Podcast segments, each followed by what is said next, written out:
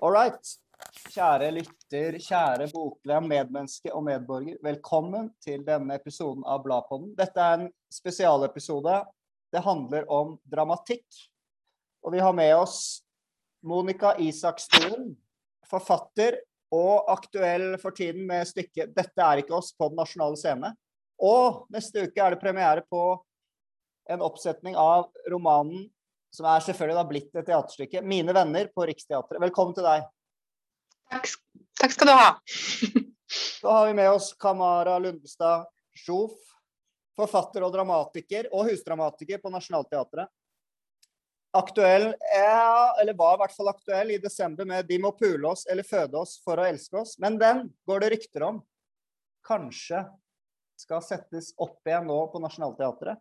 Og i tillegg kommer den ut i bokform på Oktober forlag om ikke så altfor lenge. Velkommen til deg. Takk skal du ha. Og til slutt Fredrik Brattberg, komponist og dramatiker. Du er aktuell nå med to stykker som er satt sammen til en større forestilling på Vega scene. Det er 'Sånn på natten' og 'Det han vil si dem'. Velkommen til deg. Takk. Ja, eh, vi skal snakke om eh, dramatikk, men aller først, siden dette er Bladpodden, og blad, for de som ikke vet det, står for Bokvennen litterær avis. Siden vi er bokvenner, så er vi jo veldig nysgjerrig på å høre hva dere leser for tid. Kjære lytter og bokvenn og medborger og medmenneske og fotnoteelsker. Velkommen til denne fotnoten. Det er deilig å kunne være et sted hvor man kan ta av seg masken og slappe av slik man kan i fotnotene. Som vanlig kan du spole til slutten av episoden for å finne ut hva folk leser for tiden. Og hvis du vil sponse denne fotnoten, så kan du sende en mail til bladpodden at gmail at hotmail.yahoo.com slash fotnote. OK. Dagens tema er dramatikk, og det store spørsmålet vi starter med, er hvorfor skriver du dramatikk? Det lurer vi på, og her er ordet litt fritt, så får vi se hvor det tar oss.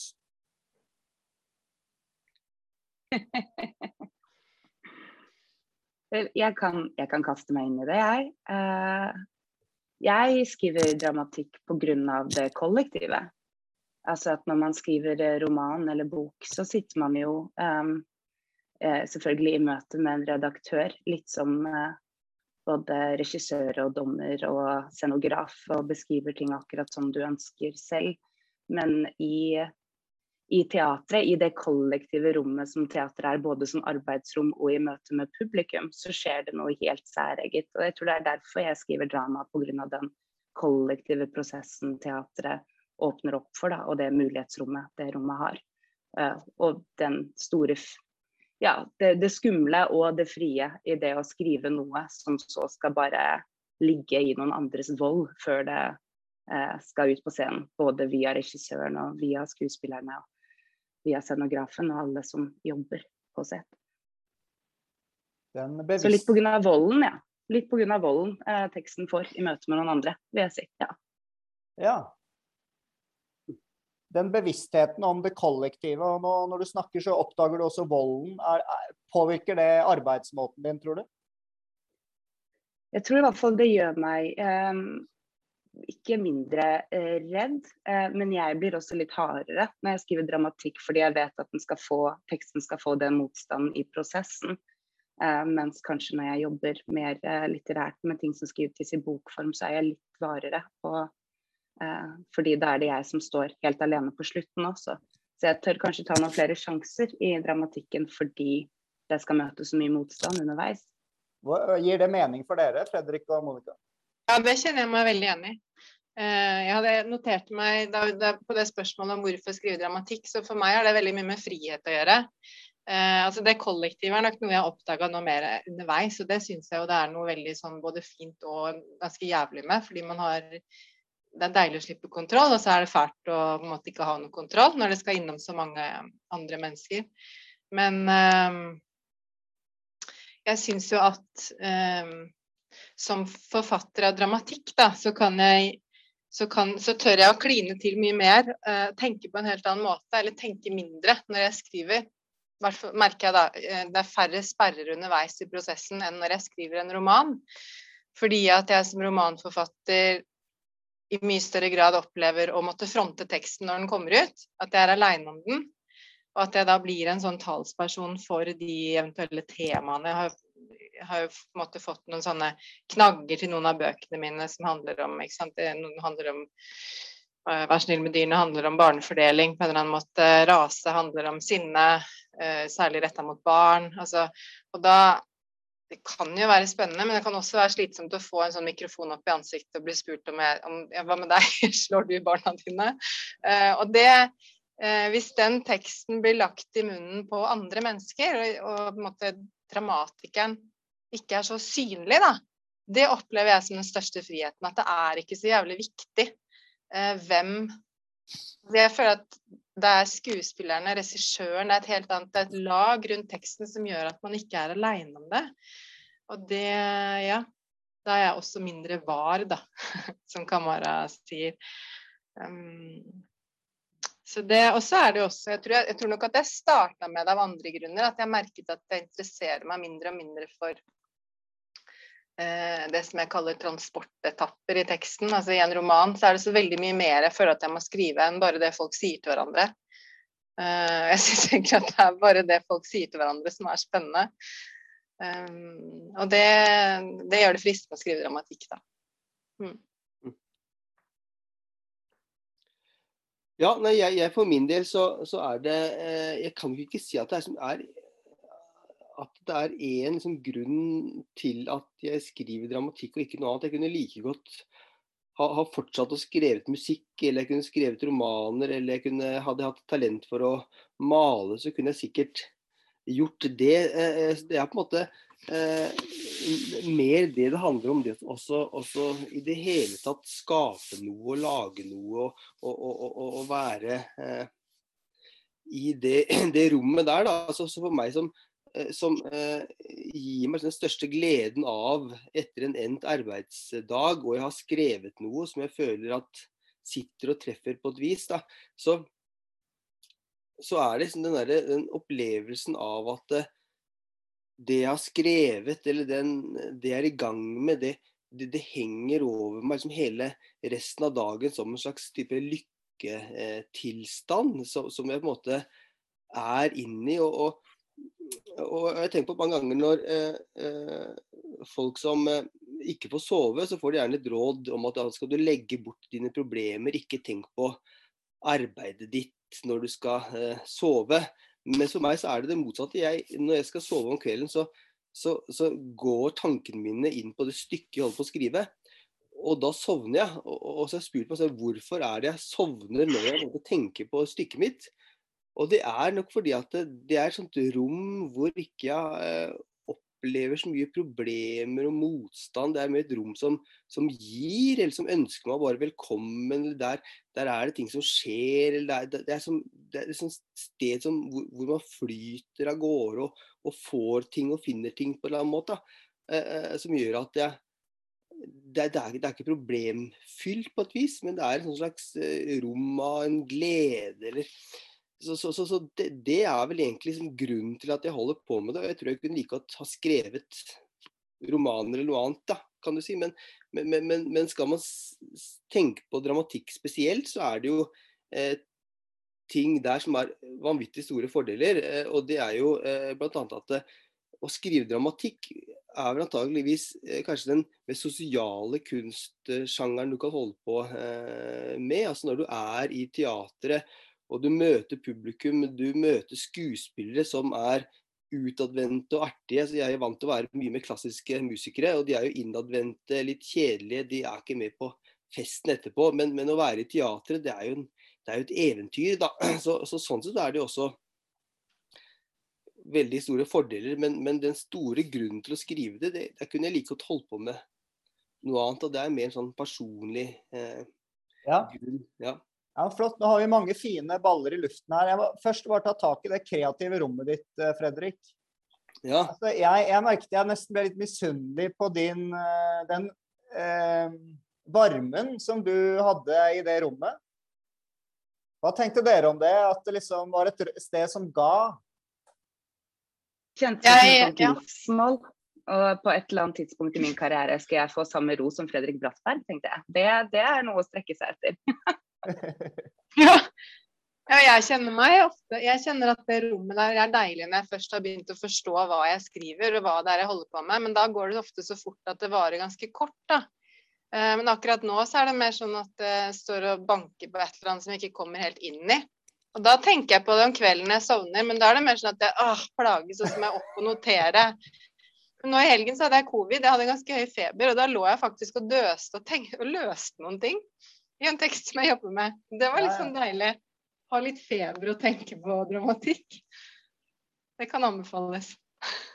Ja, nå, nå skal jeg si at, at jeg møter motsatte problemer, jeg også, men, men da må jeg på en måte løse de, og så løser jeg de, og så er på en måte floka litt løst, og så åpner det rommet seg litt uh, igjen. Så det, det rommet stopper jo og åpner seg på et vis, da. Men, men, men i det jeg skriver og det, i det det skjer, så er det et sånt eh, rom som er mer gavmildt enn en det er motstand, da, eh, kan du si. Og, og, og det å være liksom i en sånn opplevelse av at man skaper noe, lager noe, så, så, gir det sånn tilfredshet som er en sånn ja, skal man sammenligne det med sånn følelse av at liksom du eh, eh, eh, nei, jeg, jeg, jeg, jeg, jeg, jeg, jeg, til, i, I sommer så hadde jeg sånn eh, opplevelse at jeg, jeg fikk ikke fullført det jeg holdt på å jobbe med før sommerferien, som jeg pleier vanligvis å gjøre. Og så var jeg i gang med stykket mitt på morgenen, sånn en, en time før ungene sto opp. Så arbeidet jeg med teksten min. Og så var den teksten med meg utover hele dagen. Og jeg kom, kom sånn veldig, hadde en fantastisk fin sommer nettopp pga. å være i gang med dette arbeidet. Og så beit jeg merke at For jeg har nettopp tatt lappen. Og når jeg skulle ut på kjøreturer som ikke jeg var sånn veldig trygg på, så sendte jeg alltid backup av stykket mitt til min eh, samboer og fortalte at det, hvis det skjer noe med meg, hvis jeg dør nå, så, så send det, videre. Så, så det ikke bare forsvinner på dataen min. Da tenkte jeg at det var sånn der, sånn, nesten følelse av å gjøre det lettere å skulle dø, eh, på en måte. og Ved å skulle være i gang og skrive og lage dette. her. Så det er en sånn, sånn følelse av, eh, ja, at man eh, tar bort, bort en slags redsel da, eh, på eh, Ja, det de gjør livet litt lettere på et eller annet vis, da. Ja, altså, jeg prøver veldig eh, nøye med meg selv å aldri romantisere holdt på å si, eh, den lidende kunstneren, altså som konsept. Eh, selv om det var på en måte en tenåringsfantasi, på et eller annet tidspunkt så prøver jeg aldri liksom å romantisere eller idealisere det. Så jeg har så veldig strenge regler for meg i løpet av skriving. at all sånne Jeg prøver å ikke ligge og kna ting på natta, for da går jeg ned i en sånn angstspiral, men man gjør det jo allikevel. Så jeg går på en måte fast til psykolog, og så bearbeider jeg tekstene mine der. På samme måte som at jeg tar tak i eh, Jeg leser anmeldelser hos psykologen min, jeg leser debattinnlegg som handler om tekstene mine. Men også bare det å på en måte ta den, prøve å kanalisere all den kunstnerangsten inn et sted som handler om liksom mitt arbeid i det rommet, og så gå hjem og legge det fra meg og jobbe. Eh, men, eh, men jeg har ikke bilappen, da. Eh, men jeg vurderer å ta den i år. Men kanskje jeg også kanskje får en sånn ro av det. Jeg vet ikke. Men eh, det Altså, høres veldig det- godt ut. Det er i hvert fall en fin måte å, å tvinge seg til å sende, lage backup på og ta lappen. Mm. For da vet du at du, du, må, du må backe opp hver gang du skal ut på biltur. Så her er det jo. Utrolig mange tips. Eh, ta backup, eh, eller lære å kjøre bil for å ta mer risiko i livet, for på den måten å ta backup. Men du lanserer også, Kamara, at du snakker om stykket, eller det kreative prosess med psykologen, rett og slett. Ja. Jeg tror det er bare veldig viktig for meg, at, altså fordi jeg jobber i så stor grad med å si, traume eh, i kunstnerskapet mitt, så er det veldig viktig for meg at kunsten min er ikke terapi. Eh, min kunst er ikke terapi for meg, publikum er ikke mine terapeuter. Det er ikke en renselsesprosess jeg går igjennom. Eh, så jeg har aldri satt noe til tekst, eller i hvert fall ikke etter at jeg ble voksen og profesjonell, så har jeg ikke satt si, noe til tekst på trykk eller på en scene uten at jeg vet at jeg liksom har avklart det på en ordentlig måte. innenfor psykisk helsevesen først. Sånn at jeg vet at jeg har på en måte det etiske avklart med meg selv på hva jeg driver med. Så det er, eh, så det er en ganske sånn essensiell del av min arbeidsform, i hvert fall.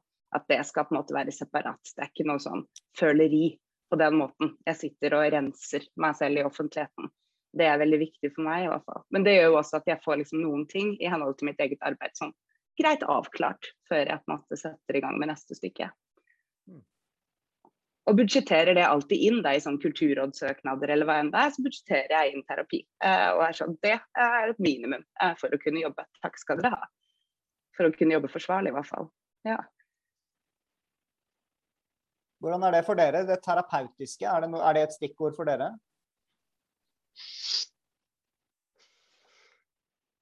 Uh, ja, jeg, ble veldig, nei, jeg ble veldig fascinert av det Kamara sa, om å legge det inn i budsjettet. Uh, ja, men Ikke flåsete, men det, det, er jo helt riktig, altså. Um, at du gjør det. Uh, jeg, nei, jeg tenker nok ikke på skrivinga som terapi heller. Det er viktig å ha et avklart forhold til det jeg skriver om. Men samtidig må jeg ha en følelse av at jeg ikke har kontroll. Men det har med det har på en måte ikke noe med hva jeg selv bearbeider eller ikke bearbeider gjennom skrivinga, men det å kunne slippe, slippe ja, slippe kontroll på tekst, eller hva det er, hva jeg putter inn i den. Men det, det blir noe annet, tenker jeg.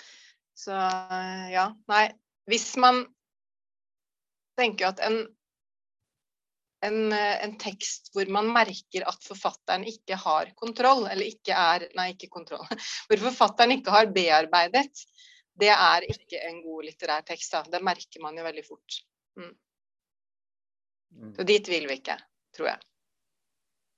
Ja, For meg så er, er, det absolutt ikke noe terapi å, å skulle eh, skrive. Eh, det er ikke noen eh, problemer jeg skal eh, løse ved å skulle uh, sette de i, i, teksten på noen måte. Men, men, men likevel så, så, så, så, er jo hele den skriveprosessen noe som uh, man blir, som blir preget av tilbake. Så klart at man, man, Når jeg snakker om at man kommer i en slags type lykkerus av det, så er, er det ikke fordi at at uh, skrivingen har på en måte løst mine personlige problemer, så blir jeg lykkelig. Det er mer liksom, gleden av å, av å uh, lage noe og sette noe sammen, kan du si. da. Så på ingen måte noe terapeutisk. Ok, La oss gå litt tilbake til det med dramatikk versus prosa, poesi og sånn. Du var inne på det, Monica, å skrive noe uten transportetapper. Men er det, er det mulig egentlig i dramatikken? Vil det ikke også være Eller er, er det mulig? For meg er det veldig mulig. Jeg opplever stor frihet i det. Men jeg vet ikke om de andre hva de tenker om det. Jeg tror jo at det kan være Det er jo så utrolig mange ulike typer dramatikk. Eh, også ulike sjangerformer. Og personlig så har jeg aldri skrevet en sceneanvisning eh, i en eneste dramatisk tekst. Noen gjør jo det. Noen skriver jo inn. Altså man kan jo gå helt inn på Ibsen, hvor man skal være eh, hvor det kommer liksom et følgebrev med liksom den type sofa, det type bord, så realistisk, den type stil. Eh, men jeg pleier jo vanligvis å heller ikke inn Deler egentlig ikke inn replikkene mine heller, jeg. Eh, at jeg bare bruker si, mellomrom og hvem som sier hva. Det får egentlig være litt opp til skuespilleren og regissøren. At det er på en måte et eller annet så, så få følgeetapper sånn sett, for jeg skriver jo heller aldri hvor det er. Eller hva de gjør, eller hva de driver med. Eh, og det syns jeg er veldig deilig, for det tenker jeg ofte at det ikke har noe med meg å gjøre. Eh, ofte en sånn positiv eller negativ overraskelse når man kommer og ser en premiere og tenker ah, dere plasserte det der, det var topp. Hva, hva, er, liksom, eh, hva er, den mest positive overraskelsen du har hatt, og hva er den mest negative i så måte? Nei, negativ er kanskje uh, Kjennes jo veldig sånn ukollegialt mot noen som har liksom bearbeidet din tekst og så gitt den inn, men jeg har i hvert fall en sånn uh, Jeg har jo hatt flere tilfeller hvor uh, teksten min blir møtt med en form for sentimentalitet. da som kan gjøre meg litt gæren. For jeg prøver å Jeg tror at sentimentalitet med den tematikken jeg ofte skriver om, gjør ofte at tematikken blir slått litt i hjel. At man skal på en måte spille på følelsen i liksom Å nei, rasisme. Ja, det er tungt. Eh, så de som har på en måte vært de jeg har møtt i samarbeid, som har vært modige og turt å plassere ting i veldig sånn ekspressive eller absurde rammer, eller trekke det i helt andre retninger, og gir da teksten en motstand istedenfor eh, en sånn understrekning. Det kan i hvert fall være en sånn stor positiv overraskelse eller en glede. eh, i min erfaring. Men jeg setter jo veldig stor pris på den friheten av å ikke skrive inn noen ting som helst i dramatikken min. Men det vet jeg jo også at det er mange som er uenig i hvordan det er. Og jeg vet at det er mange som får mine tekster i fanget og syns det er helt forferdelig å skulle sette i gang og ta det ansvaret som jeg nekter å ta på en eller annen måte. Så det er jo, det er jo litt opp og ned. Ja, i hvert fall hvert fall én ting er sceneanvisninger, men det er ganske radikalt hvis engang er hvis du ikke engang har skrevet inn hvem som sier hva, tenker jeg er ganske stort um, En stor forskjell på veldig mye um, annen dramatikk. Ja, men jeg tror i hvert fall de må føde oss eller pule oss for å elske oss. Som jeg hadde premiere på Nationaltheatret nå i høst, så var det jo eh, Det ble jo en veldig kollektiv transport. Jeg fikk veldig kort tid på å skrive det verket fordi det fulgte på en måte med eh, det å bli husdramatiker. Så man hadde ja, fire måneder på å i hvert fall eh, få satt noe ordentlig som plutselig skulle opp på Nationaltheatret. Eh, og da leverte jeg rundt en 120 siders tettpakka tekst som et eh, korverk. Og ga det til regissøren, Ole Johan Skjelbred, som måtte kutte det fra 32 000 ord til 13 000 ord. Eh, og dele inn replikkene. Eh, så jeg har ofte prøvd å si når jeg har fått liksom, veldig sånn, positiv oppmerksomhet for den teksten, at det er i like stor grad si, eh, hans eh, opprydningsarbeid som det er min, mitt korverk, som bare snakkekorverk, som bare kaster seg ut. Hvor han har tatt de avgjørelsene. For jeg hadde bare skrevet kor overalt. Og når de skuespillerne spurte hva mener du da, da var jeg liksom svar skyldig. Jeg var sånn kor! På hvilken som helst måte dere føler kor er riktig kor. Eh, som kanskje var det ja, den mest presise sceneanvisningen som var i det stykket, var kor. Og så sto det på toppen, og så kom det 100 sider. Dette er i Ja, Monica? Ja, nei, jeg, jeg har, har, jo også et veldig sånn, fruktbart samarbeid med én dramaturg som jeg bruker veldig mye, som jeg har fått lov til å bruke når jeg har vært eller kjent med. Det var husdramatiker på Dramatikkens hus. Um, og hun er sånn uh, Altså uten henne så tror jeg på en måte ikke at jeg hadde skrevet dramatikk eller begynt å lære meg hvordan min uh, dramatiske stemme kunne være, eller hvilke friheter jeg kunne ta meg. F.eks. til å ikke inndele i, i, replikker eller skrive sceneanvisninger eller tenke at jeg må skrive på en annen måte fordi det skal inn i et rom. Uh, hun, men det trenger jeg stadig påminnelser om. Da. Så hun leser alt jeg skriver ingenting som slipper forbi henne. Eh, og det har vært også ekstremt viktig i møte med når jeg f.eks. har skrevet for teater, sånn at jeg har fått en bestilling, sånn som jeg har gjort med det siste stykket nå. At, eh, at, jeg opp, at, jeg ikke vil oppleve at jeg begynner å tilpasse meg eller skrive på noen annen måte da, fordi at jeg har et teater i den andre enden. Eh, hvis man bare skriver en tekst og, så, og, og, selger den når den er ferdig, så blir det liksom litt annerledes. Men, eh, så nå har jeg klamra meg til henne. Eh, fordi den påminnelsen trenger jeg stadig om hvor fri jeg kan være. Hvor, uh, ja, hvor ute av kontroll en tekst kan være, og hva den ikke trenger å ligne på for å være teater. Ja. Mm. Hva betyr det konkret? Er det sånn for deg òg, at du ikke legger inn sceneanvisning og ja, det har jeg på en måte aldri forsøkt meg på etter at jeg prøvde det første gang, og hun bare så på meg med sånn dødt blikk og sa at det her er jo, det er bare tull, det her lever ikke, Monica. Um, så, men det er ikke sånn at jeg tenker at sceneanvisninger skal jeg aldri ha. Uh, jeg har hatt sceneanvisninger som heller kan være en beskrivelse av en stemning jeg vil ha i teksten, som jeg har gjort i et stykke for ungdom f.eks. Og jeg tenkte at det var viktig å presisere noe om hvilke muligheter som finnes i scenen. Um, nei, for meg så handler det om at jeg um, Falt jeg litt ut av det? Hva var det du spurte om igjen? Nei, det var hvilke type friheter er det du blir minnet på, og som du trenger å minnes på at du ikke Nei, at uh, f.eks. da når jeg har testet teksten min på skuespillere, uh, som jeg innimellom gjør, uh, sånn midtveis i prosessen eller litt tidligere eller før det på en måte løsner og jeg vet hva det er, hvis jeg opplever at de støter på noe vanskelig, at det er noe som er vanskelig å løse, så er det veldig lett for meg å tenke at vet du hva, da, bare, da bare dropper vi det. Vi, vi, vi, tar bort de setningene der. Vi tar bort den overgangen eller det spranget der. Uh, så har hun på en måte lært meg at uh, jeg ikke trenger å gi etter for den motstanden. da. Um, at det at teksten liksom ikke lar seg løse, eller at den ikke går opp med en gang. At man ikke helt skjønner det. det, er ikke noen, eh, det betyr ikke at man skal ta bort ugresset. Det ugresset kan eh, gjøre at teksten nettopp blir noe spennende, da. Um, så det å, det å ikke luke er vel noe jeg prøver å etterleve. Det gjør jeg jo også når jeg skriver romaner og sånn, men, men, det har blitt veldig viktig for meg jeg tror det er lett å I hvert fall for meg, jeg kan ikke snakke for de to andre her, men er, særlig jo mer teater jeg ser, så ser jeg jo mulighetene som finnes i det rommet. Men jeg kan også bli litt sånn eh, opphengt i å, å, rydde opp og gjøre det oversiktlig og gjøre det et eller annet som ligner på noe jeg har sett. da. Jeg er veldig lett å påvirke på den måten. Ja. Mm. Har du noe på det, Fredrik? Eh, for, min del så, så skriver jeg eh, stykker som er veldig relasjonelle, hvor det, det, det, det, er en situasjon og en handling på en eh, kanskje litt mer klassisk måte på det, viset. Og, da har jeg jo eh, sceneanvisninger, men de er veldig korte og de er veldig informative og uten noe eh, følerier eller eh, noe sånt. Det er rett og slett 'han kommer inn døra' eller rett og slett så enkelt. Så skriver få sceneanvisninger, men, men de, kun de nødvendige. Dette uttrykket 'the well-made play' Vet ikke hva det heter på norsk, ja.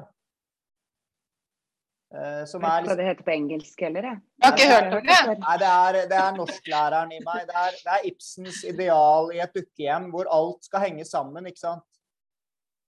Uh, hver eneste replikk uh, peker fremover, nærmest. Og, og, det er en hemmelighet som sakte rulles opp, og så, og så videre og så videre. Eh, det høres ut som det i hvert fall noen av dere snakker om, er liksom en slags fryd over at eh, det dramatiske rommet gir mulighet til å gå litt imot disse eh, klisjeene, kanskje, eller eh... Ja, Kamara, du hadde ikke hørt om det begrepet? Nei. Jeg, jeg har ikke det. Hadde du det, Fredrik? Nei, egentlig ikke, men, men jeg, jeg, jeg, tror det. Her sitter kremen, kremen av dramatikerne i Norge. Og så sitter jeg og lanserer Jeg, bare, jeg har bare lest det på Wikipedia. The Well Made Play er greie. Men du skal google etterpå. Men, men, men, men, det du måtte viser til, da, er sånn som med Ibsen, eh, et Ibsen-stykke hvor alt som sies, peker på en måte fremover mot uh, konklusjonen eller hendelsesforløpet. Ja. Eh, og at alt er sydd sammen så uh, godt. Uh, og, og, og, du kan si at det, det er jo sånn I mine stykker så er stykkene mine veldig strukturelt oppbygde. Slik at det, man etter hvert så avslører man liksom litt gangen i det, og så skjønner man litt hvordan er dette her kommer til å bære veien videre. Fordi at man avslører strukturen. Og slik er det jo også litt med, med eh, eh, Ibsen. Og det er på en måte både en styrke og en svakhet ved Ibsen. For at, eh, hos Ibsen så er det jo slik at eh, du, hvis du får høre eh, i første akt at eh, barnehjemmet ikke har forsikring, så kan du i utgangspunktet stikke på kafeen på andre sida av, av, gata og så komme tilbake i fjerde akt vel vitende om at det barnehjemmet det står i lys lue. Så at det, er liksom noen, noen uh, ulemper ved det. Så, så jeg, iallfall i mine, min dramatikk, da, så prøver jeg å leke meg med dette her hvor, hvor, hvor man skal måte skape forventninger. Og samtidig så skal man jo på en måte uh, leke seg med disse forventningene, slik at du aldri liksom helt treffer det folk, folk liksom avslører at det er. Du skal ha, både ha forventninger og samtidig overraske. Og det var en venn av meg som sa noe eh, veldig klokt om Mozart når han skulle avsløre Mozarts genialitet. Og det han mente da, hva som var det fantastiske med Mozart, det er at idet du hører et Mozart-stykke som du aldri har hørt før, så får du følelsen av at du kan på en måte eh, nynne med på det. Du, du har en følelse av hvor det skal bære en, hvilke temaer er som kommer tilbake nå. Så har du en følelse av at du, du henger med. Men så er det slik at det, det er aldri eh, det du tror det er, som kommer til å komme. Og Det er jo en, en, en, en, veldig fin egenskap. Men så er det en ekstra egenskap ved Mozart. Det er at når overraskelsen kommer, når du har blitt vitne til overraskelsen, så tenker du Å ja, selvfølgelig. at du faktisk overraskes over noe, og så er det bare en selvfølge at det var sånn. Så den derre der, hvor du går fram og tilbake, og, og det føler jeg at det er Mozarts genialitet. Kanskje Ibsen ikke nødvendigvis uh, har den, at det er hans svakhet på et eller annet vis. da.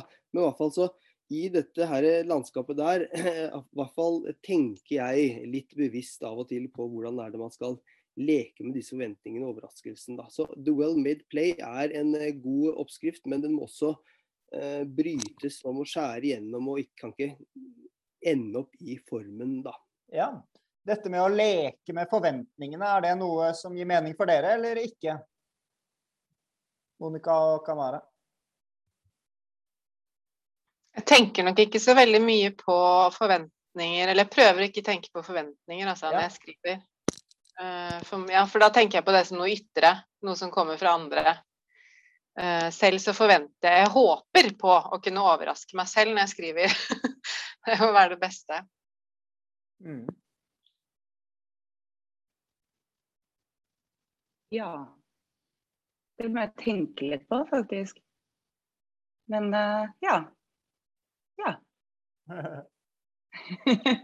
man leser jo, når man leser om deg, Fredrik, så kommer det også fram at du bruker eh, altså gjentagelse. Men eh, du er også komponist, og det, det, altså at det er et musikalsk eh, det du tar opp her, er jo Mozart. Men at du også bruker gjentagelse også Jeg vet ikke om jeg har rett i det i komposisjonene dine, i musikalske komposisjonene, og at det også er et prinsipp i dramatikken din. Er det noe mer å si om det? I hvert fall så det, det som er eh, grunnideen her, da, det er at det, i eh, musikk så er repetisjon det er på en måte den, den fundamentale formmessige ingrediensen. Og, og, og, det er repetisjon som, som gjør at man får følelsen av at et musikkstykke har en prosess. For De samme melodiene kommer tilbake, og så er de videreutviklet og forandret. Og så ser man at her har det vært et, et forløp. Og, og, og, i mine stykker så gjentar jeg de samme scenene eh, gjerne. Og så når de samme scenene kommer tilbake, så er de litt annerledes. Fordi det har på en måte blitt utviklet eh, på samme måte som et musikk eh, eller en, en, melodi har blitt forandret av en komponist. Ja. Og, og, Det som er fordelen med å bruke repetisjoner innenfor teatret, det er det at eh, innenfor musikk så kan både eh, pianisten eller musikkutøverne de kan skape en forandring når den samme melodien kommer tilbake. Men det kan også komponisten gjøre. Den kan komponere melodien annerledes. Og slik er også mulig innenfor teater at det, man kan overlate en del av variasjonene til utøverne, til regissøren og til skuespillerne. Men så vil jeg også, som skriver den samme scenen to ganger, forandre på den. Så det blir på en måte en slags eh, eh, kasteball mellom meg, dramatiker og skuespillere til å forandre på eh, eh, det som vender tilbake. da. Så Det er på en måte den uh, utgangspunktet for mye av min måte å skrive på. da. Ja. Hos deg er det ja. ja, Monica? Jeg, jeg, har lest uh, Sørsida, bare for å ta den som et veldig tydelig eksempel. Da, som Sørsida, Sørsiden, Sørsida. Ja um, og der, Jeg syns det er ganske fascinerende det der med den, det kompositoriske, det at noe gjentas. Det gir jo både en følelse av at man kjenner delvis til det som skal skje, men også en sånn sterk følelse av fremmedgjøring da, gjennom hele teksten. Fordi at man tror man vet hva som skal skje, men det legges til noe som, som sies annerledes eller gjøres annerledes, eller det gås inn fra en annen vinkel. Det syns jeg er veldig um, det gjenkjennelige og det fremmedgjørende i teksten som du oppnår der, da, det syns jeg er veldig spennende. Men det musikalske altså, nå, jeg, eh, nå, vet ikke jeg hva dere har sagt om det før, men jeg er ganske sikker på at både du, Monica, og Kamara Eller dette er jo språk, da. Men det, det musikal... Altså klang og rytme og sånn, det er vel et viktig element. Det er det sikkert for alle dramatikere, men hvordan tenker dere rundt det? Jeg tenker uh, ganske mye på det, også fordi jeg har en sånn uh, uh, Jeg er jo i, i sakprosaforfatter, og så er jeg dragmatiker, ikke sant. og så er det veldig ofte at både sakprosaen min og dramatikken min plutselig får et sånn kleint vedheng, hvor noen skriver 'slampoet Kamara Jof'. og så er det på en måte litt sånn hemmelig at jeg ikke hemmelig, nå kan jeg si det på Jeg hater slampoesi jeg elsker mange liksom, gode venner av meg er slampoeter, men jeg er ikke noe glad i slampoesi som sjanger. Men eh, tekstene mine blir veldig ofte forflytta inn i en sånn tolkningsrom da det blir lest med noen sånne slampoesibriller hvor folk leter etter en, en rytmikk som ikke er der. Og jeg er veldig glad i uh, jeg er veldig glad i, i rytme, også fordi jeg ofte har liksom tettpakkede monologer som går sånn rambulerende, som bygger seg opp og bygger seg opp og bygger seg opp. Uh, men jeg føler vel kanskje ofte at jeg heller må argumentere for at det er mindre musikalitet til det jeg skriver, enn det egentlig er. Ah. føler jeg. At jeg sitter og sier det. Nei, det er ikke ment musikalt sånn. Og, hvis, og når en skuespiller tar tak i teksten og prøver å begynne å lese den sånn slampoetisk, så må jeg bare si nei, det er ikke det jeg driver med, faktisk. Uh, nå må du bare eh, nøkternt, nøkternt. Ja, når, blir... når, Solstad nekter for at det er humor i tekstene hans. Nei, det er ikke rytme! Ja. Det er ikke rytme, folkens. Nei, men jeg har jo også en bakgrunn fra musikk, sånn som Fredrik. Og jeg er jo veldig altså ikke i samme profesjonelle eh, forstand, da. Jeg, men jeg er jo ikke komponist, men jeg har jobbet med musikk i, ja. eh, i ti år.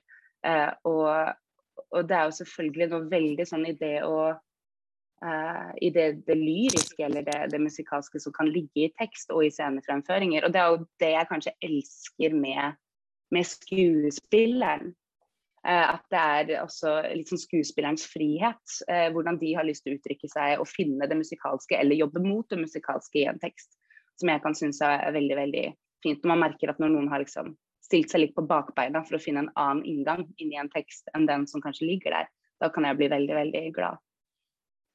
Og det er igjen da det kollektive. At det er, eh, det er alle disse filterne som skal ta imot dette og gjøre det til sitt eget før det skal møte et publikum som får høre på det som slampoesi hvis de vil. holdt på å si. Jeg må bare si at, det, at Når man snakker om at det musikalske, om det er til stede i en tekst eller ikke, så snakker man jo fort om, om, om det er rytme i teksten, ikke sant? og hvordan teksten høres ut. Men, men veldig mye av det som også kjennetegner musikk, er at det, musikk er jo noe førspråklig. Det er noe som vi eh, fornemmer før vi på en måte setter ordene på det.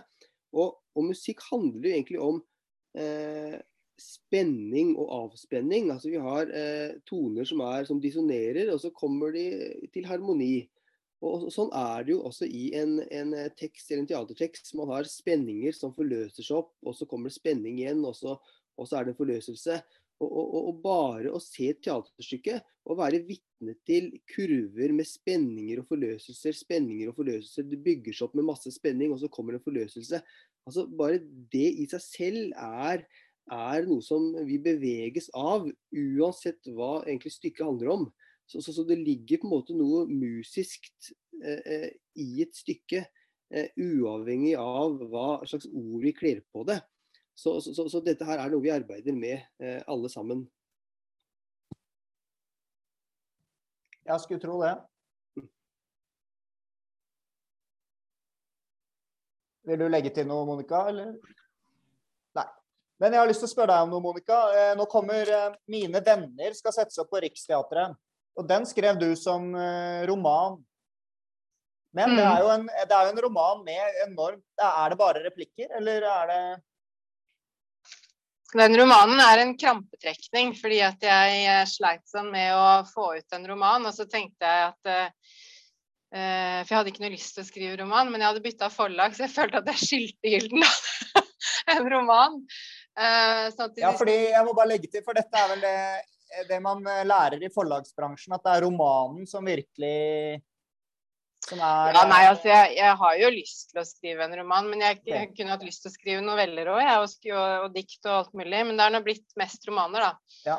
Um, men eh, nei, altså jeg hadde Da jeg gikk til Gyldendal, så hadde jeg på en måte en idé eh, eller en tanke. Altså jeg har sjelden veldig klare ideer, men jeg kan ha en tanke om hva jeg har lyst til å skrive. Uh, og veldig mange tanker om hva jeg ikke har lyst til å skrive. Og så blir det ofte en sånn kamp mellom de to.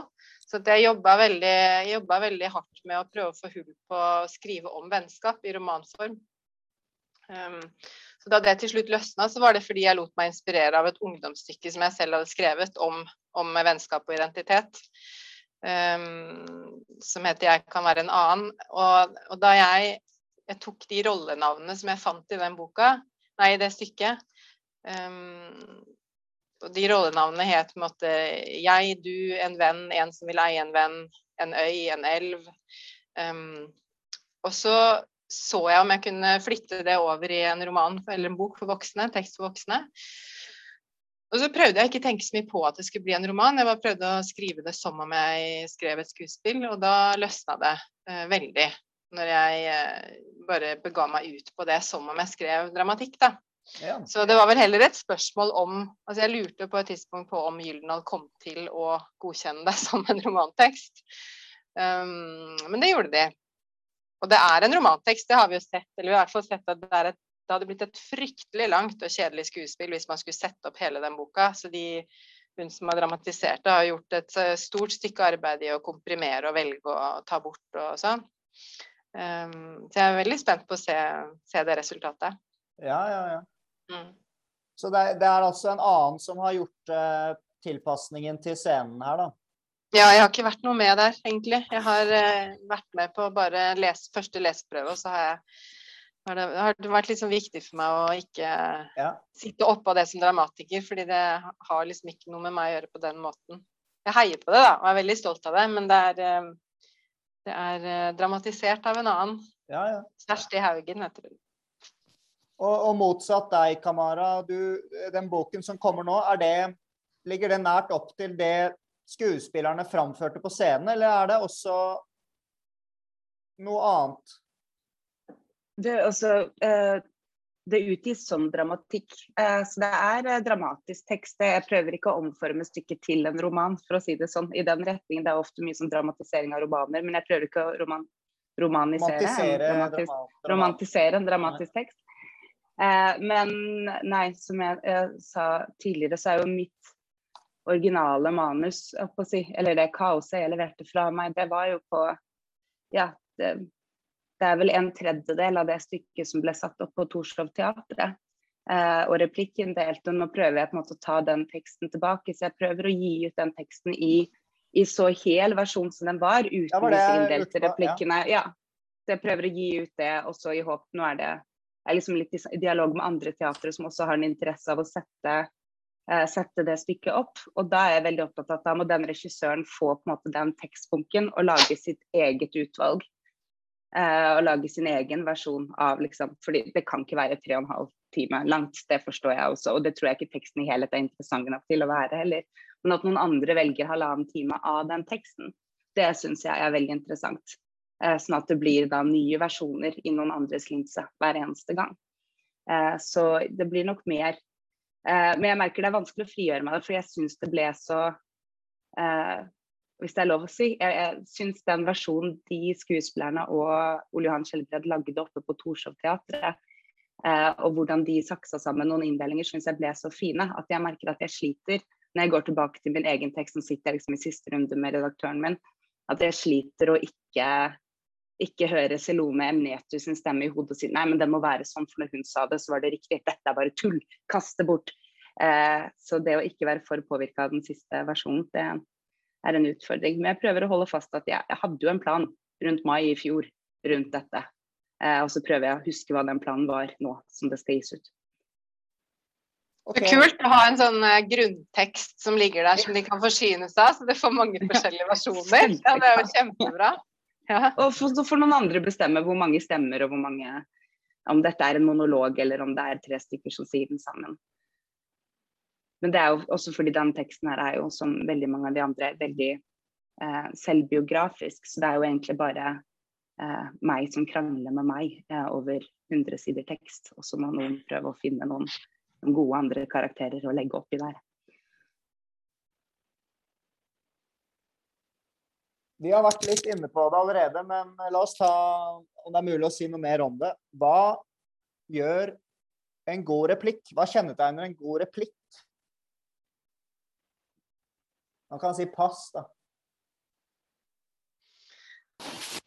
Jeg, jeg liker jo bare jeg kan, godt, jeg kan svare veldig kort, for jeg tror ikke jeg har noe sånn ja, Jeg kommer bare på et kort første svar på det. Men um, jeg tenker ofte at det, at det er en mis, at det ligger en misforståelse i forrige replikk der, på en eller annen måte. At det er okay. noe som skaper en konflikt. Ja. Men det kan ikke, man kan jo ikke konsekvent gjøre det gjennom et helt manus. Eh, men, men at det ligger Jo. noe ligger Ja. en misforståelse, en, en, at, at personer snakker forbi hverandre på en eller annen måte. Ja. Det syns jeg er fint, da. Dette gjør jo Ibsen mye. Altså, jeg snakker mye om Ibsen fordi jeg er lærer, og vi leser jo et dukkehjem en gang i året. Og så har jeg, så har jeg gjerne to klasser i norsk. så Jeg leser jo et dukkehjem to ganger i året ofte. Uh, og Mm. der er det mye av det du sier der, da, at de snakker litt forbi hverandre. Men dette, men dette er bare ett altså, når, mens vi, Ja, Jeg ja, kan komme på ti svar til, men det var mitt svar. av, det var én av ti ting som kan kjennetegne en god replikk. av En misforståelse. Mm. Ja, nei, iallfall så, så, eh, så, Jeg vet ikke, men jeg, jeg tror nok også det der, hva som kjennetegner en god replikk eh, eller, eller hva var ens favorittreplikk, hvis man vil spørre om det, da.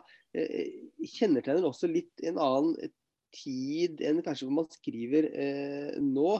For du skal ikke så langt tilbake før eh, altså Hvis man ser på Oscar Wilde, så er det omtrent bare en hel, hel med one-linere Ja. i, i, i stykket. Og, og hvis du skulle eh, spurt meg hva er den uh, Gi meg hva er din favoritt Woody Allen-replikk, så skulle jeg svart deg ganske kjapt på uh, hva som er bra der. Mens, mens hva er en Gi meg en god uh, Jon Fosse-replikk, f.eks., så, så, så, så, så har ikke han replikker på det viset eh, som på en måte vil si at denne her er eh, fantastisk god. Da, må man liksom se på eh, hva som har skjedd før og hva som har skjedd, etter. altså Se på et mer eh, helhetlig eh, bilde. da. Eh, Og da kan man si at her har det oppstått en, en god dialog eh, eh, sammen. Men, men, men sånn som eh, eh, Monica sier at, at den, den gode replikken må jo på en måte eh, eh, skape eh, dramatikk. Det må på en måte være, om det er i misforståelsen eller, eller, eller hva det er, så må den måte bare peke ting videre. Det som i hvert fall er en dårlig replikk, er jo blitt nesten som en sånt eh, eh, sånn ting du ikke skal gjøre i teatret, som er denne 'far er alkoholiker'. Altså Den setningen skal du liksom aldri si. Hvis at noen kommer og sier 'far er alkoholiker', altså er, er, er alt over. Måte. Da er det bare å gå hjem og, og, og kutte av stykket. Så du må, du må på en måte hemmeligholde det. Og du må dra det og peke det hele tiden videre. Du kan ikke eh, slå lufta ut av eh, ballongen, da. Ah, Den regelen hadde ikke jeg hørt om, så dumt. Jeg har skrevet det. Ja, det, det, det er derfor de sier det hele tiden i dine stykker. da, ikke at De bare 'far er alkoholiker'. Ja. Skal notere det også. Nei, altså, far er alkoholiker. Jeg kan jo like replikker Jeg stiller meg veldig bak det som er sagt her, og som jeg bare prøver å tenke på. For jeg syns ofte det er vanskelig når et teater skal promotere et stykke som man har skrevet. Så er det sånn Gi oss fire replikker vi kan bruke i blurbs på plakaten. Da blir man sånn Faen, hva er en god replikk da? Si, er, og Trenger det å være en god replikk, eller skal det være en morsom replikk, eller skal det være en øyeåpnende replikk? Men jeg vet i hvert fall at når jeg skriver og sånn, så prøver jeg i hvert fall å mm, at jeg, nå skal det sies at jeg er jo blottet for undertekst i absolutt alt jeg gjør, og det har jeg bare måttet måte lære meg å leve med. Det, sånn funker jeg. Eh, men jeg kan veldig godt like replikker også i andre verker som kommer med veldig sterke påstander, som da noen må bruke resten av stykket enten på å forsvare eller rive i fillebiter. At de, de replikkene som på en måte setter opp noe som f.eks. far er alkoholiker, eh, at den type replikker som gjør at man må enten forsvare seg selv eller, eh, eller fortsette å grave inn i noe. Eh, som en sånn ofte, Det blir ofte litt sånn metakommentarreplikker, men de kan, jeg, de kan jeg henge meg litt opp i. Fordi de plutselig propellerer noe annet enn nødvendigvis plott da, eller handling, for min del. Det blir mer en sånn eh, karakterens rettferdiggjørelse av seg selv. Og da syns jeg jo ofte at det er den rettferdiggjøringen som er mer interessant enn den replikken. Men det er ofte de replikkene som er med på som eh, Ja, hvis en, en, når en, en sort kvinnelig karakter går på scenen og skriker 'jeg er kulturmannen', for faen, så må man på en måte bruke litt tid på å overbevise om at det stemmer eller ikke. Og det er jo ikke den replikken som er interessant, men det er forhandlingen som kommer etterpå. Men det er kanskje den type replikker i hvert fall som jeg kan henge meg mye opp i, også når jeg ser andres verker. og tenker bare ah, shit, der, ja. Der, der sa du det. Nå må du forsvare deg. Eh, og du må lande godt, hvis ikke så ble det platt. Eh, og det, de leter jeg ofte etter når jeg leser. Mm, så skape litt fallhøyde, rett og slett. Ja. ja. Mm. det er jo veldig vakkert med replikker som veldig sånn vart og fint bygger noe opp. Man ser at det er, dette er frøet som det skal fødes ut. av. Men jeg kan også noen ganger like den der den store bastante som skaper den enorme fallhøyden, så du må redde deg sjæl etter den replikken. Mm. Eh, det. Eh. Og Det er på en måte også en sånn lik sånn, eh, forskjell mellom Ibsen og, og, og, Beckett. da, kan si at Når Ibsen han prøver å skjule Eh, eh, alt, mens, mens, Beckett prøver å bare si alt eh, rett ut. Det er bare innsiden ut på et eller annet vis. Og, og, og hos, Skal man sette opp Ibsen som regissør, så er jo på en måte utfordringen er å få fram det de går hjemme på. Mens setter du opp Beckett, som sier alt rett ut, så blir utfordringen det motsatte av å prøve å skjule det eller, eller dekke det til, eller, eller, eller gli, la det gli ut i noe mer eh, abstrakt og diffust. Så, så, så, som Kamara sier nå, det er jo på en måte en, en, en, en vending av det eh, hvor du på en måte må innside så Det er på en måte en sånn enten-eller er man gjerne eh, da. Men, men, de fleste er vel For meg så er, er, man litt et sted midt imellom, eller noe sånt. Men, men, det er jo begge måter å gjøre dette her på. Da. Så det er ikke konsekvent ikke man kan si far alkoholiker, men, men, da på en måte blir problemet for eh, oppsetningen en, en, annen, da, kan si, hvis det er eh, rett utsetninger man velger. Herlig. Uh, altså jeg vet at en av episodene i Bladpodden har blitt pensum på et, uh, en eller annen høyskole. og dette her vi snakker om nå, føler jeg kan bli pensum på en eller annen, uh, et eller annet studie, kanskje, de, for dram dramatikere. Jeg vet ikke. Altså hva gjør en god karakter, da? La oss bare ta det helt til slutt. Det er jo selvfølgelig enormt stort tema. og jeg har lyst til å høre hva dere tenker om det. Og selvfølgelig, det er sikkert mye mer å si, men er det noen stikkord? En god, dramatisk karakter? Jeg, jeg, altså, jeg, jeg for min del, jeg, pleier ikke å la eh, karakterene mine eh, eh, være noen bestemte ved at de eh, har en bestemt jobb eller de har en bestemt barndom, eller sånt, men at jeg lar Eh, eh, lar de vise hvem de er, ut fra den situasjonen som de befinner seg eh, i. Så, så, så, så det ofte så blir jeg litt forvirra noen ganger når jeg ser på eh, dramatikk eller filmer eller, eller leser romaner hvor, hvor eh, man liksom lar personen få masse eh, bakgrunnshistorier som på en måte ikke helt er relevant til hva handlingen er. For da begynner jeg å tenke ja, men er dette her relevant for handlingen, eller ønsker man bare å bygge en karakter? Så jeg tenker at gode karakterer er de som eh, ikke gjør noe annet enn å være i handlingen. Og, og, og gjøre det som er eh, eh, romanen eller skuespillerens oppgave å gjennomføre. Og så blir man kjent med den personen gjennom hvordan den opptrer i det det dreier seg om.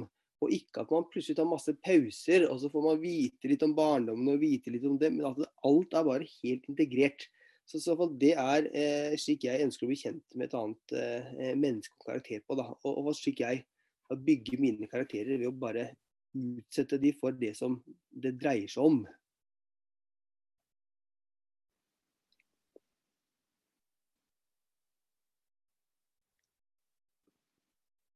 Altså, jeg... ja, ja, Kamara? Monica Isakstuen. Uh, ja, altså jeg føler at jeg i veldig liten grad egentlig tenker på karakter. Um, men uh, jeg starter nok med en stemme. Stemma er viktig. Det må være en stemme der som sier noe som etter hvert kan reageres på av noen andre. Og sånn kommer de ulike karakterene da, til, eller stemmene, hvis man kan kalle det det. Jeg har vel ikke hatt jeg har vel ikke hatt noen tekst som har vært helt sånn i oppløsning på stemmer, sånn som Kamara sin, den du snakker om. De må føde oss eller pule oss. Men jeg har et stykke som heter 'Vi er krigere', hvor det er to stemmer, eller to roller. Den ene heter 'jeg', og den andre heter 'de andre'. Og i de andre så ligger det jo muligheter til å være på en måte mange, da. Én eller mange, eller tre, tre, var de i den oppsetningen jeg har sett. Mm. Men der starter det jo med for meg så startet den teksten og de fleste av de andre tekstene mine også med en stemme som på en måte kanskje ligger der i starten av stykket i teksten i meg, et eller annet som, som, eh, som, det, som det, kan reageres på etter hvert, og som gjør at det da blir flere stemmer. Men ja. uh, fullblods vet jeg ikke om jeg vil kalle det. Nei, så det er, det er en stemme, det er en intuitiv liksom Du skriver fram en stemme som vil et eller annet, eller har noe på hjertet, eller er det ja, som har, står, i, eh, står i en konflikt, står i noe uh, der i, i, i, den teksten, sånn som den i hvert fall ser ut til slutt, da. Uh, som det må reageres eller som det kan reageres på uh, av noen andre. Mm. mm. Men den stemmen er ofte den drivende for, for teksten, i hvert fall ja, langt på vei. Mm. Er det en stemme som må lide? Du kan godt lide litt, ja. Men uh, ja, du må lide litt. Men uh, det, jeg syns ikke det er noe spennende hvis det ikke, hvis det ikke er noe uh, konflikt. Men da vet jeg ikke helt hva jeg skal gjøre. Jeg har jo, jeg har på en måte Det har jeg møtt veldig sterkt noen ganger. Det, jeg, en, jeg, skrev en roman som heter 'Rase'. Hvor jeg ble spurt av en journalist fra Aftenposten om Hun var liksom fortvilt og oppgitt. Så spurte hun men er det ikke noe hyggelig med å ha, er det ikke noe hyggelig med å ha barn, da? Uh, og det er sånn utrolig tenkte på hvor skamfull jeg på en måte lot meg selv bli da når jeg fikk det spørsmålet. Jo, det er, det er hyggelig. Det er hyggelig. Det ligger i bånn. Vi kan godt være enige om at det er hyggelig. Det er hyggelig å ha barn, det er hyggelig å ha venner, det er hyggelig å ha altså i, i alt jeg har skrevet, så ligger det på en måte eh, Det er jo ikke sånn, et menneskehat som ligger i bånn av tekster hvor det lides. Men konflikten er mer spennende enn eh, det som går av seg sjøl. Eh, da kan man heller kjøpe Da kan du heller kjøpe ord om vennskap, eller ord om kjærlighet, eller ord om morskap, eller ord om Ikke sant. Eh, så konflikten må jo være der, og lidelsen må være der. Og så kan det godt komme noen glimt av håp og forløsning etter hvert, men de må ikke være for store, da, syns jeg. Ikke, ikke, I hvert fall ikke sånn som jeg jobber nå. Mm. Fellesskap, kanskje. Det kan være, det kan være noe fint, noe trøstende.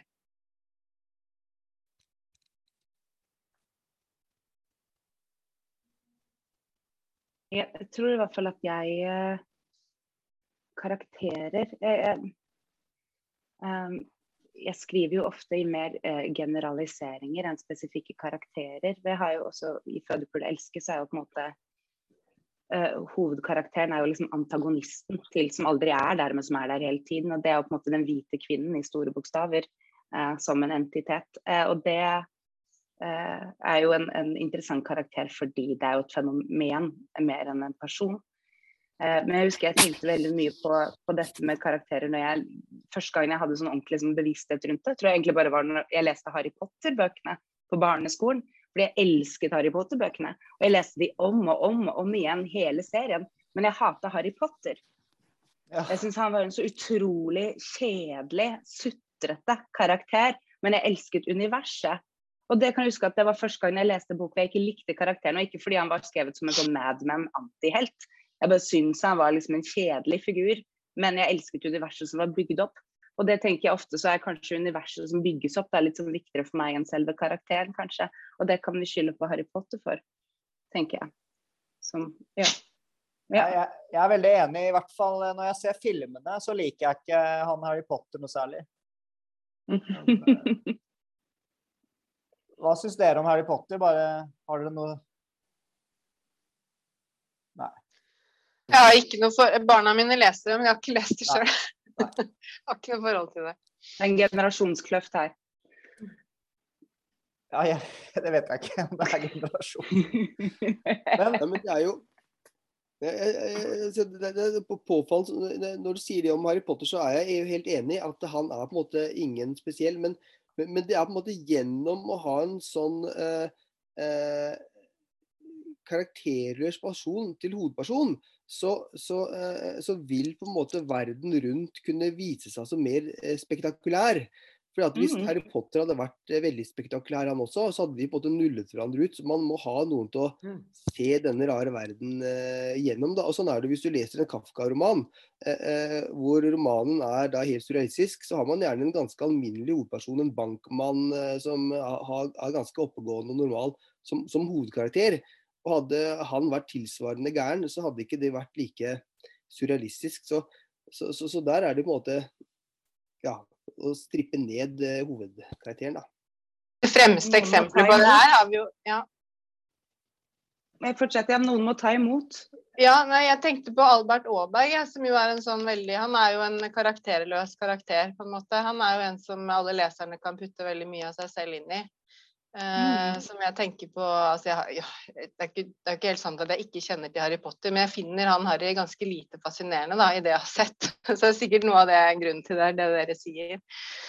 Men Albert Aaberg er jo også en sånn, det er jo en, en skikkelse som gjør det mulig å, å, betrakte ulike problemer, ulike situasjoner på måter hvor, hvor altså han, han, er mindre viktig enn det som faktisk skjer. Det er jo ganske interessant.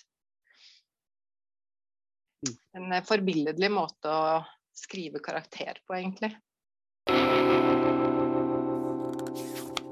Jeg lurer på om vi, vi skal begynne å runde av. Ja. Jeg har likevel lyst til å utfordre dere helt til slutt på favor favoritt Shakespeare. Dere skal få veldig vide kategorier.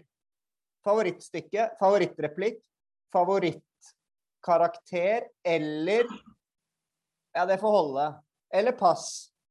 Jeg kan si at jeg spilte narren i King Lear da jeg gikk på videregående skole. Der ser du. Eh, og det er en prima karakter.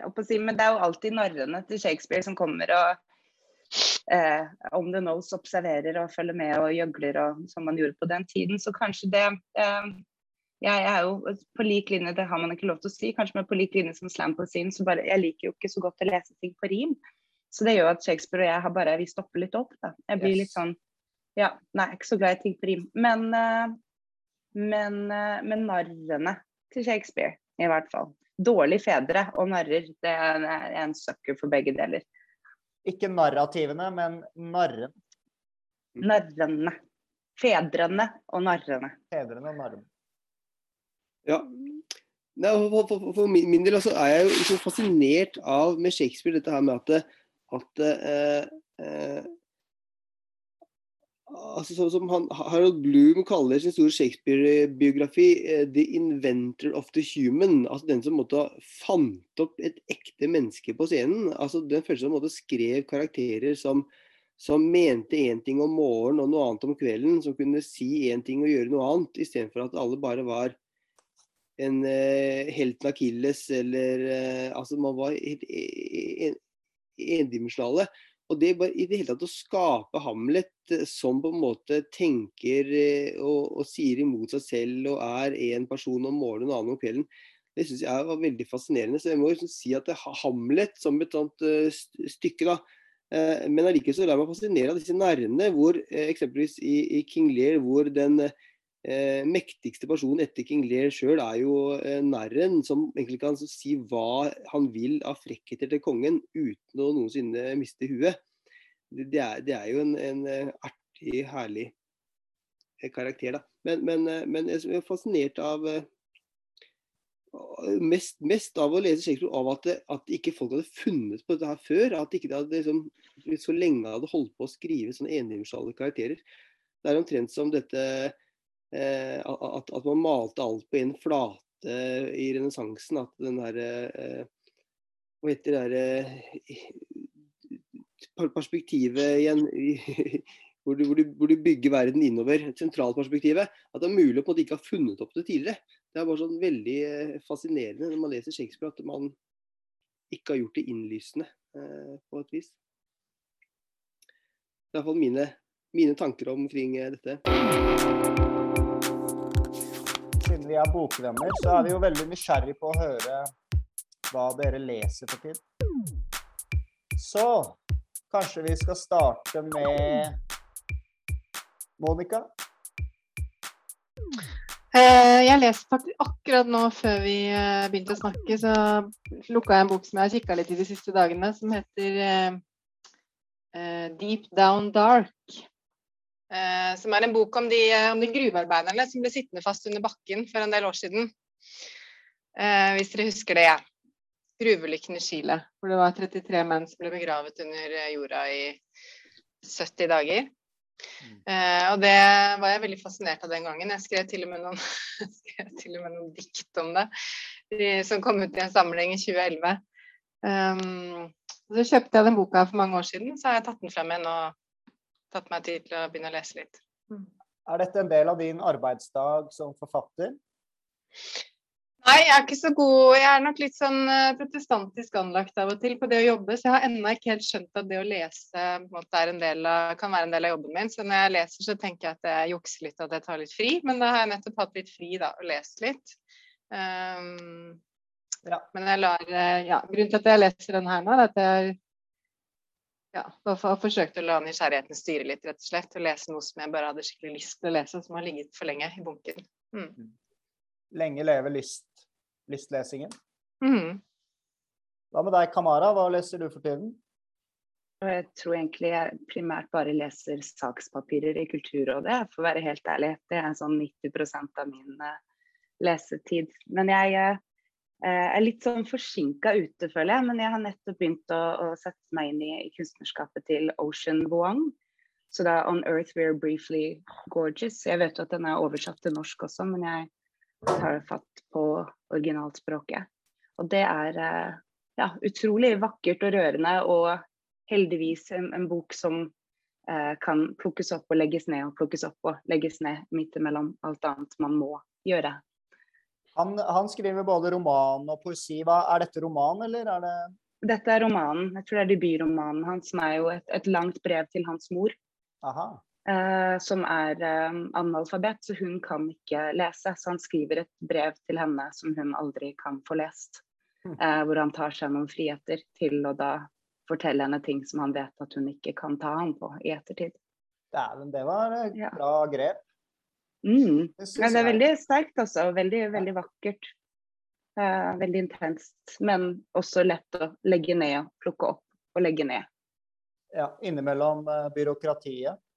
Mhm. Lenge leve. Ja. OK, Fredrik, hva med deg? Ja, jeg leste ferdig en uh, bok nå i helgen, og det var 'Å være underveis' av Rune Fritz Nikolaisen. Og det er en innføring i Heideggers eh, filosofi.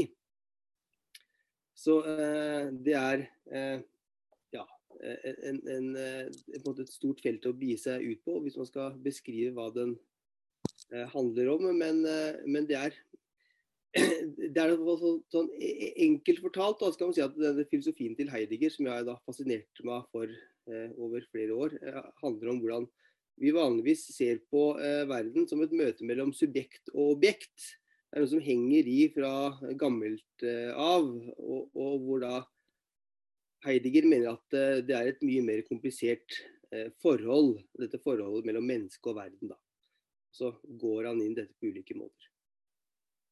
Er det, vil du anbefale å lese Nikolaisen i stedet for Heidegger? Eh, absolutt. Så, så jeg har lest eh, mye av Heidegger også. Ja. Men det er jo, da har jeg gjerne en følgebok ved siden av, så at jeg leser liksom boka forklart eh, på vanlig norsk eh, inntil. Så, så absolutt skal man begynne til, så eh, burde man begynne heller med den, eller noen andre innføringsbøker.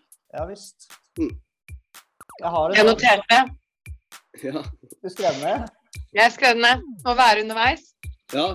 Ja, men det er bra. Jeg eh, bare si kjapt hva jeg leser, for jeg eh, Jeg holder på med Prost eh, på sporet av den tapte tid. Og nå har jeg syns det har vært veldig sint veldig lenge. Jeg syns det har vært så kjedelig. Men nå begynner jeg å like det litt igjen.